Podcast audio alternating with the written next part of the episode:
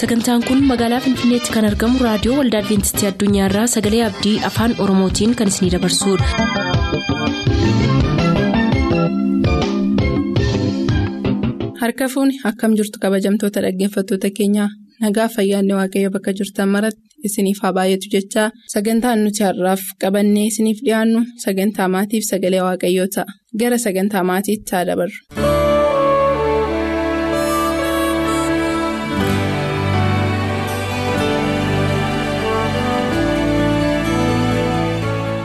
Raadiyoonii keessan banachuudhaan bakka adda addaa jiraattaniin dhaggeeffachaa kan jirtan dhaggeeffatoota keenyaa kun raadiyoo adventistii addunyaarraa kan isiniif darbaa jiru sagantaa maatiiti. Kanaan dura barumsa adda addaa sagalee waaqayyoo wal bira qabuudhaan maatiin ijaaramu bultoonni ijaaramu maal ta'uun akka irra jiraatu? Kan ijaaramee jirus immoo maal ta'uun maal gochuun akka irra jiru? Waaqayyoon itti dubbateera nama miti. Har'as mata duree biraatiin waliin. Irratti kan dubbannu mata duree qabannee waan dhiyaanneef kana hundumaa yommuu raawwannu yookaan yommuu goonu dubbiin waaqayyoo keessa keenya qubatee jireenya keenya irratti jijjiiramaa akka fiduuf hin kadhanna. si galateeffannaa waaqa keenyaa ati waaqayyoodhaa bara baraanis kan jiraattu uumaa hundumaati galanni siif haa ta'u yeroo kana immoo dubbii keerraa barachuu dhiyaanneerra maqaa yesus kiristoosiin waan beekuuf hubachuun nurra jiru hundumaati nu barsiisi jireenya keenya keessatti wantolee wal'aansoo nu qaban kana moonee darbinee. Har'aa lafarratti kan dhaabne gaa'elliif bultoon keenya boor jireenya samiitiif kan nu qopheessu mana barumsaa isa cimaa akka ta'u nu gargaari maqaa gooftaa yesus kiristoosiin ameen.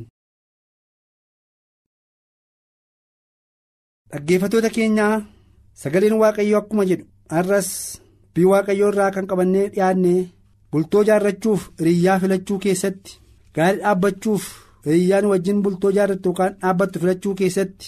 Dogoggora jiru sirreessuudhaaf dursineetti yaaduun akka nurra jiru mata duree adda addaatiin barachaa akkuma turre har'allee isuma kan fakkaatu yookaan isaa wajjin kan deemu barumsaa addaa qabannee dhiyaannee jirra. namoonni tokko tokko bultoo jaarrachuudhaaf yommuu jedhan yookaan gaa'ela dhaabbachuudhaaf yommuu dhufanii walitti deemsa jalqabanii jireenya maatii ishee yookaan jireenya maatii isaa ilaalaniitu qabeenyaa maatiin isaa qaban yookaan qabeenyaan maatiin ishee qabdu yookaan karaa biraa immoo qabeenyaa inni qabu poozishiniin irra jiru. Jihatti galiin argatu tilmaamaniiti. Kun sagalee waaqayyo wajjin wal bira qabnee yommuu deemnu maal fakkaata? Yoo jenne gaariidha. Qabeenyaa jiraachuun gaariidha. Badhaadhummaan qabaachuun gaariidha. Warris maatiinis isa qabaatan innis gaariidha.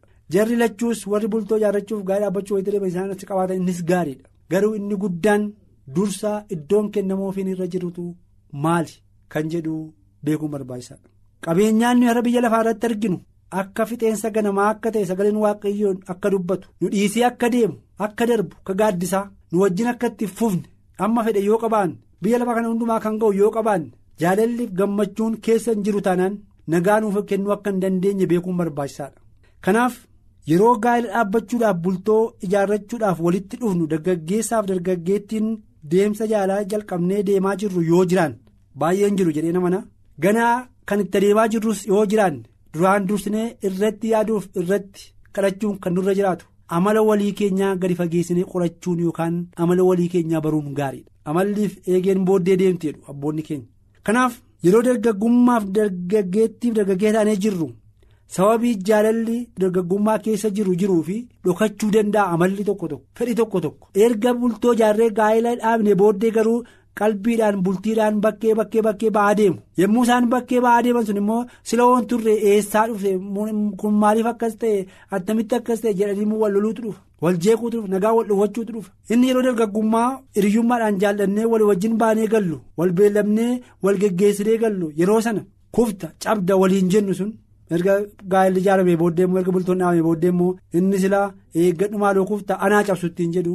Ilaallatteen deemtu iji kee lafa arguutti yommuu inni jedhutu dhufa akka yeroo jalqabaan ta'u jechaadha kanaaf wanti guddaan qabeenyaa irratti badhaadhummaa irratti kan warra keenyaas ta'an keenya irratti hundoofnee miti. Inni jalqabaa wanti ilaalamuu jiru. Tokko inni jalqabaa wanti gochuun irra jiraatu dubbii waaqayyoo irra dhaabbannee ta'uutu irra jiraata. Kana booddee immoo amala walii keenya tokko tokko keenya gadi fageenyaan qorachuutu irra jiraata. Kanaaf gaa'elli yookaan bultiin qabeenyaa irratti ijaaramee fiixaan bahiinsa yookaan milkaa'insa waan hin qabneef. Sababiinsaa sana keessatti wantoleen nu mudatan wantoleen nu rakkisan wantoleen nu danqan yeroo hundumaa waan jiraniif. Mee solomoon garbichi waaqayyoo wanta inni jedhu waliin laallaa.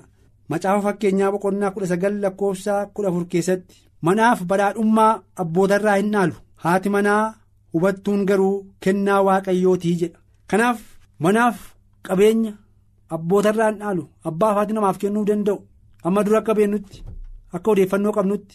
Intalli gurbaan tokko yommuu isaan wal fuudhan karaa abbaan talaas ta'e karaa abbaa gurbaas loon kennuuf sa'a kennuuf buna kennuuf waan isaan boritti of danda'anii ijaarratanii dhaabbatanii guddachuu danda'an kennuuf.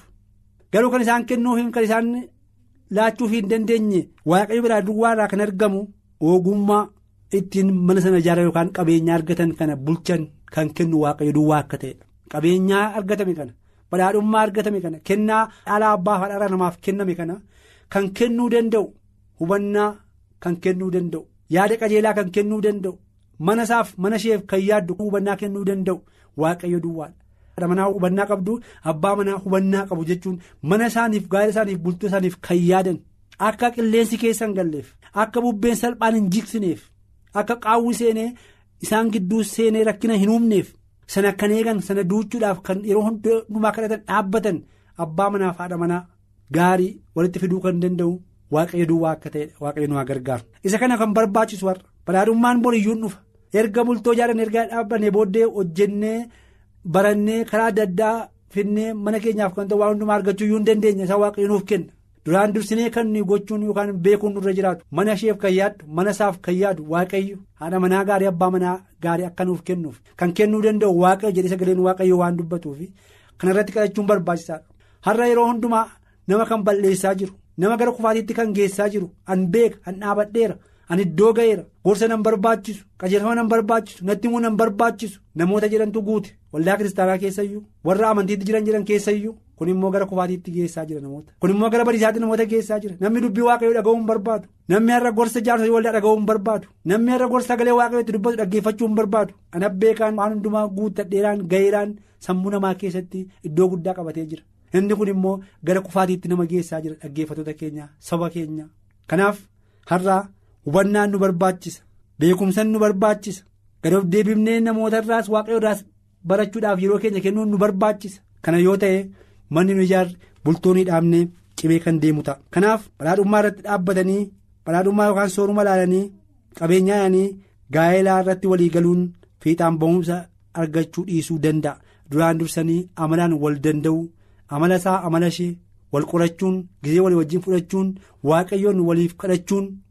haadha manaa gaarii abbaa manaa gaarii namootaaf yookaan waliif akka kennuuf jarri kun yeroo fudhatanii laguuf kadhannaadhaan waaqayyoon kadhachuun barbaachisaadha.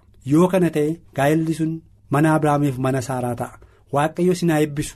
Waldaadhaaf bu'aa kan buusu ta'a gaa'elli ijaarame sun manni ijaarame sun. Mana waaqayyooti irratti ijaaramu waldaa waaqayyooti irratti ijaaramu. Ollaatu waan irraa bara waldaatu waan irraa bara biyyatu waan irraa bara dhalli isaan gidduudhaa baatu biyyaaf fakkeenya gaarii taati waldaaf fakkeenya gaarii taati. Ba'uun isaanii galuun isaanii ni eebbifamu. Namoonni ilaa isaan kun ijoollee waaqayyooti maatii waaqayyoo jaallatu jedhanii isaan eebbisu. Kanaaf dubbiin waaqayyoo sagaleen waaqayyoo bu'uuraaf hundee nuuf ta'e jennaan wanti hundumtinuu irraa jalaan waliif nuuf qixxaatee gaa'elli keenya kan miidhage ta'e itti fufaa. Dhumni mana keenyaas hin bareedaa. Kanas irratti wal jaallannee dabaru duwwaa utuu hin ta'in wal qabannee mootummaa waaqaatti kan gallu maatii eebbifamoo waan taanuufi. Wanta hundumaa goonuu irratti waa'ee gaa'elaaf kan mari'annu irratti bu'uurri keenya ka'umsi keenya dubbii waaqayyoo ta'utu irra jiraata hubannaa beekumsa ogummaa kan namaaf kennu miilla waaqayyoo jala teenyee sagalee waaqayyoo akka maariyaam dhaggeeffachuuf barachuudhaaf yeroo fudhachuun nurra jiraata ani beekaan andeen guuttadheeraan gara kufaatiitti waan nu geessuuf waan beennus waan qabannee jirru utuma qabannee jirru yeroo hundumaa barachuudhaaf gorfamuudhaaf dhaggeeffachuudhaaf warra qophaa'an akka taanuuf. Waaqayyo nu haa gargaaru waaqayyo isin haa eebbisu.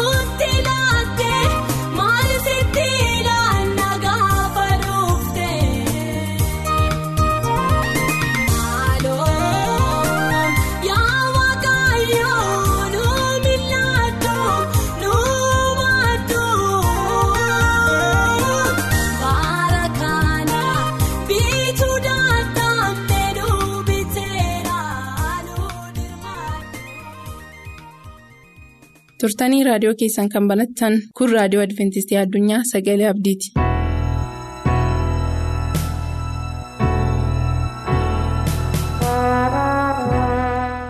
Nagaanii faraarri isiniif baay'atu dhaggeeffatoota raadiyoo adventistii addunyaa waaqayyoo nagaa nuu laatee fayyaa nuu laatee fuula isaa duratti dhiyaannee dubbii isaa dhaga'uudhaaf carraanii nuu kenne kanatti guddaan gammannaa galanni maqaa gooftaa keenya yesuusiif isaaf haa ta'uun jenna gara barumsa keenya waaqayyoo guyyaa har'aa nuuf kennetti gallee waliin utuun ilaalin mataa keenya gadi qabannee hin kadhanna.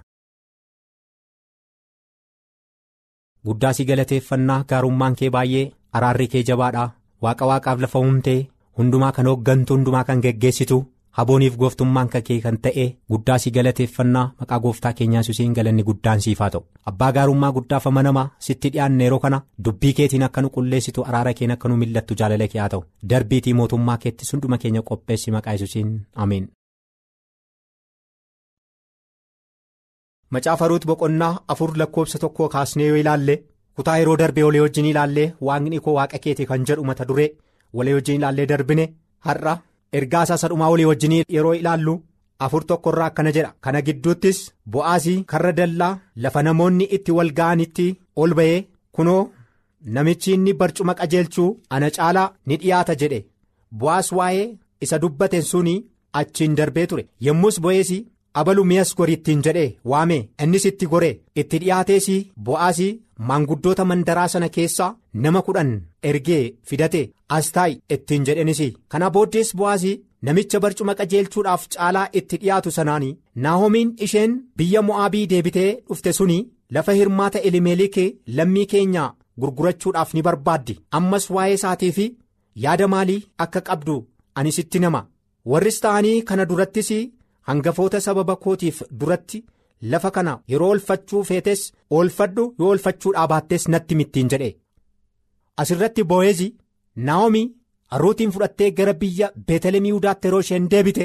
Bo'eezii jaarsolii lakkaa'atee isheen biyya kana keessaa dhaala waan qabduuf dhaala abbaa manaa isheetii kana gurgurachuu hin barbaaddi sababa ta'eef ati immoo narra hin caaltaa? Yoo olfachuu barbaadde akka olfachuufan sitti hima. Yoo nu olfattu ta'e immoo yaada akkati natti himtuufan si barbaade ittiin jedhe jaarsolii lakkaate kanaaf bo'eezii yaada kana kan isatti taanutti dhaaluun kan isarra jirutti yeroo hime ani kana hin danda'u ati immoo waan feete gochuu hin dandeessa jedhee deebii deebiseef kanaaf bo'eezii yaada kana eega sarraa fudhatee booddee iddoo itti qamadiin dha'amu oobdii isaa keessa bakka buletti akka amaatiin ishee gorsitetti namni kun nama keenya sababateef amma wanta ati gootu sittan hima qofaatti du'uun. Akka sirra hin jiraanne nama si kunuunsu nama si ijaaru nama si dhaabu nama si bulchu sababa ani sitti himuu barbaadeefi amma dhiqadhuuti dibadhuuti wayyaa kee jijjiirradhuuti lafa oobdii midhaan inni keessa jiruuti dhaqeeti dirriba isaa saaqeetii miila isaa jala ciisittiin jette isheenis akkuma amaatiin ishee gorsite kanatti gorfamtee yeroo dhaqxetti bo'eezi bakka inni oobdii midhaan isaa walitti qabatee jirutti dhaqxee kafana isaa saaxxee yeroo isheen miila isaa jala rafte. Innis halkan walakkaa hirriba keessaa dammaqee yeroo ilaalu eenyati yeroo ittiin jedhe ana garbittii keeti ittiin jette. Isaa booddee baay'ee gagammadee booddee yaada jiru hundumaa isheetti hime. Isheenis yaada kana fudhattee wanta gochuun isarra jiru. Isheedhaan mari'atee ani namni narra caalu jira sababa ta'eef dhaqee isatti nan hima yaada inni natti himu immoo fidee sitti himeen waan gochuun nurra jiru. Goona ittiin jedhe bo'eezi. Eega kana godhee booddee maal ittiin jedha? Akkuma kanatti bo'eezi. Ruutiin ofitti fudhatee haadha manaa godhate. Yeroo isheen bira ga'ettis waaqayyo ishee eebbise. Ni ulfoofte ilmas hin deesse. Yeroo sanattis dubartoonni mandaraa naa'omiidhaan waaqayyo inni har'a si furu si haa eebbisu. Maqaan mucichaas israa'el keessatti haa beekamu. Haa ta'u malees mucichi haadha manaa ilma keetii ishee ilmaan torbarraa siif acaaltu ittiin jedhaniin eebbisanii. Isaanis. Erga ishee eebbisanii booddee ergasii naa'omiin mucicha fudhattee baattee ni guddifte. Dubartoonni hollaa sanaas naa'omiif ilmi dhalfeera jedhanii mucichaafis maqaa kennuu dhaqani. Maqaan isaas immoo yoobeedi jedhanii ni moggaasani. Yoobeed jechuun isseey yoobeedi abbaa isey isey immoo abbaa daawit ture jedha. Sanyii faarees isa kanaa faarees eroosimiin hin dhalchee eroosim immoo naa'omiin dhalchee. Rahaami amaaniin dhalchee amaan immoo nahaasiin dhalchee nahoos immoo solomooniin dhalchee solomoon bo'aaziin dhalchee bo'aazi yoobeediin dhalchee yoobeedi isayii dhalchee isayii daawitiin dhalchee jira. Macaafa ruut boqonnaa afur lakkoofsa kudha saddeeti kaanii hanga 22 dubbisne. Amma adeemsa waaqayyoo naa'omii fi ruutiin walitti fidee fi adeemsa mataa isaatii qaba. Inni immoo gooftaan keenya yesus kiristoosii hidda kana keessaa akka dhalatu macaafni qulqulluun maatiyus boqonnaa tokko lakkoofsa kudha torbarraa dhaloonni kun hundinuu abrahaamii hamma daawititti dhaloota kudha afur ture. Daawitii hamma bara sabni israa'el biyya baabiloonitti booji'amanitti dhaloota kudha afur ture. Bara biyya baabiloonitti booji'amanitti hamma kiristoositti dhaloota kudha afur turee jira.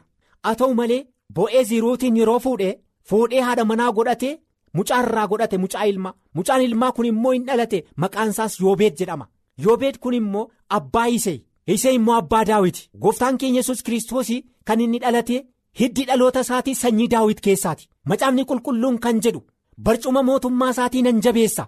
Isa barcuma amanamaa kan akka daawit mootichaa jedha kanaaf gooftaan keenya yesus hiddi inni irraa dhalate sanyii kana keessaati isaa bateefi abrahaamii kaasee hamma daawititti dhaloota kudha afur ture daawit irraa kaasee hamma ijoolleen israa'el biyya baabiloonitti booji'amanitti dhaloota kudha afur. Achirraa kaasee ijoolleen israa'el boojuu keessaa ba'anii achi keessaa yeroo deebi'anitti kiristoosii hiddi dhaloota isaatii sanyii kana keessaa akka ta'e. Gooftaan keenya yesus kan inni dhalate. Dhaloota abrahaamii kaasee sanyii abrahaamii kaasee hamma kiristoositti dhaloota afurtamii lammaffaa irratti akka inni dhalate macaafni qulqulluun iddoo kanatti dhugaa nu ba'a. Akkaataatti waaqayyo jireenya saba isaatii fayyisuudhaaf dhaloota hamma meeqaatti adeemee akka inni saba isaa yaadate iddoo kanatti ni ilaalla bara baay'eetu darbee dhaloota baay'eetu darbe. Mootota baay'eetus darbee mootota baay'eetus mo'anii darbanii saba baay'eetus ka'e. Gooftaa yesus garuu akkaataa itti waaqayyo adeemsa isaa keessatti biyya beellitti bu'e keessaa beetalam ihudaati namoonni kun godaananii biyya mo'aab dhaqanii biyya mo'aabii immoo ijoolleen naahomi biyya mo'aab keessaa durboota fuudhanii eega du'anii booddee immoo ruuti amaatii ishee naahomii wajjin gara beetalam ihudaatti yeroo isheen deebite jecha tokko dubbatteetti. Agabaatteen ishee orphaan yeroo amaatii ishee dhudhungattee biraa deemte ruut garuu ani raawwadhee si biraa deebi'uu hin danda'u. Sabni kee saba kooti waaqni amanattus waaqa kooti jettee garaa cabaadhaan waaqa naahomiin yeroo fudhatte. Amantiidhaan sababa ta'eef karoora waaqayyoo karoorseedha malee karoora ruutii fi naahom karoorsan miti dhaggeeffatoota. As keessatti akkamittiin akka waaqayyo saba isaa yaadatu hin ilaalla. Gara biyya beetalam yihudaa inni dhufte nama qotee bulaa ta'e garbuudhaaf qamadii oomishuutti in heerumte. Isheerraa immoo mucaa hin godhatte. Yoobeed kan jedhamu yoobeed kun immoo abbaa isee ture. Abbaan isee immoo daawit. Daawit immoo ilma isee waan ta'eef gooftaan keenya yesuus hidda dhaloota kana keessaa akka inni dhalate maatiyoosii boqonnaa gabaase keessatti boqonnaa tokko lakkoofsa kudha torba irratti ilaalleerra. Adeemsa meeqa booddee dhaloota meeqa booddee yesus gooftaan keenya dhufe maariyaamii fi yoseef irraa akka inni dhalate nama ta'ee dhalatee biyya lafaa akka inni fayyise. Fayyisaa keenya ta'e immoo amma mirga abbaa dhaabbatee akka inni nuuf falmaa jiru. Adeemsa kana keessatti ni ilaalla kanaaf iyyuu akkaataa akkamitti waaqayyo akka nama yaadate waaqayyo akkamitti saba isaa akka yaadate ni ilaalla waaqayyo saba isaatiif karoora qaba dhaggeeffatoota anaaf karoora qaba isiniif karoora qaba. Calluma jennee miti waan tokko yeroo caafamu gadi fageessinee qonnee yoo ilaalle ergaa mataa isaatii qaba kanaaf har'a gooftaan keenya yesus kiristoos gara biyya lafaa dhufee maariyaamii fi yoseef irraa dhalatee foon uffatee waaqa teenuu gidduu deddeebi'ee har'a lubbuu keenya fayyisee mootummaa isaatiif akka inni nu qopheessaa jiru kanaaf ergaan waaqayyoo gara keenya yeroo dhufu akka ergaa namaatti ilaaluun nurra jiru waan deemuuf qaba.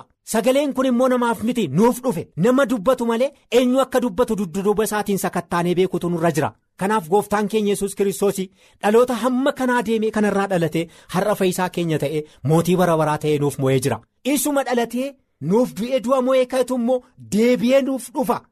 Dhaaltuu mootummaa isaatii nu godhachuudhaaf. Kanaaf dhaggeeffatoota sagaleen kun kan koo miti. Kan waaqayyooti. Anaaf dhufe isiniif dhufe. Fudhanneetti amanuutu nurra jira. Kanaaf isa dhageenya waaqayyo nuuf haa eebbisu itti akka jiraannuuf inni nu haa gargaaru mootummaa isaattis hunduma keenya haa yaadatu ulfina maqaa isaatiin ameen. Sagantaa keenyatti eebbifamaa akka turtan abdachaa har'aaf kan jenne xumurreerra. Nuuf bilbiluu kan barbaadan lakkoofsa bilbila keenyaa Duwwaa 11 551 1199 Duwwaa 11 551 1199 Nuuf barreessuu kan barbaadan ammoo lakkoofsa saanduqa poostaa 45 Finfinnee lakkoofsa saanduqa poostaa 45 Finfinnee ammasitti nagaatti kan isiniin jennu qopheessitoota sagalee abdii waliin ta'uudhaan. Bye.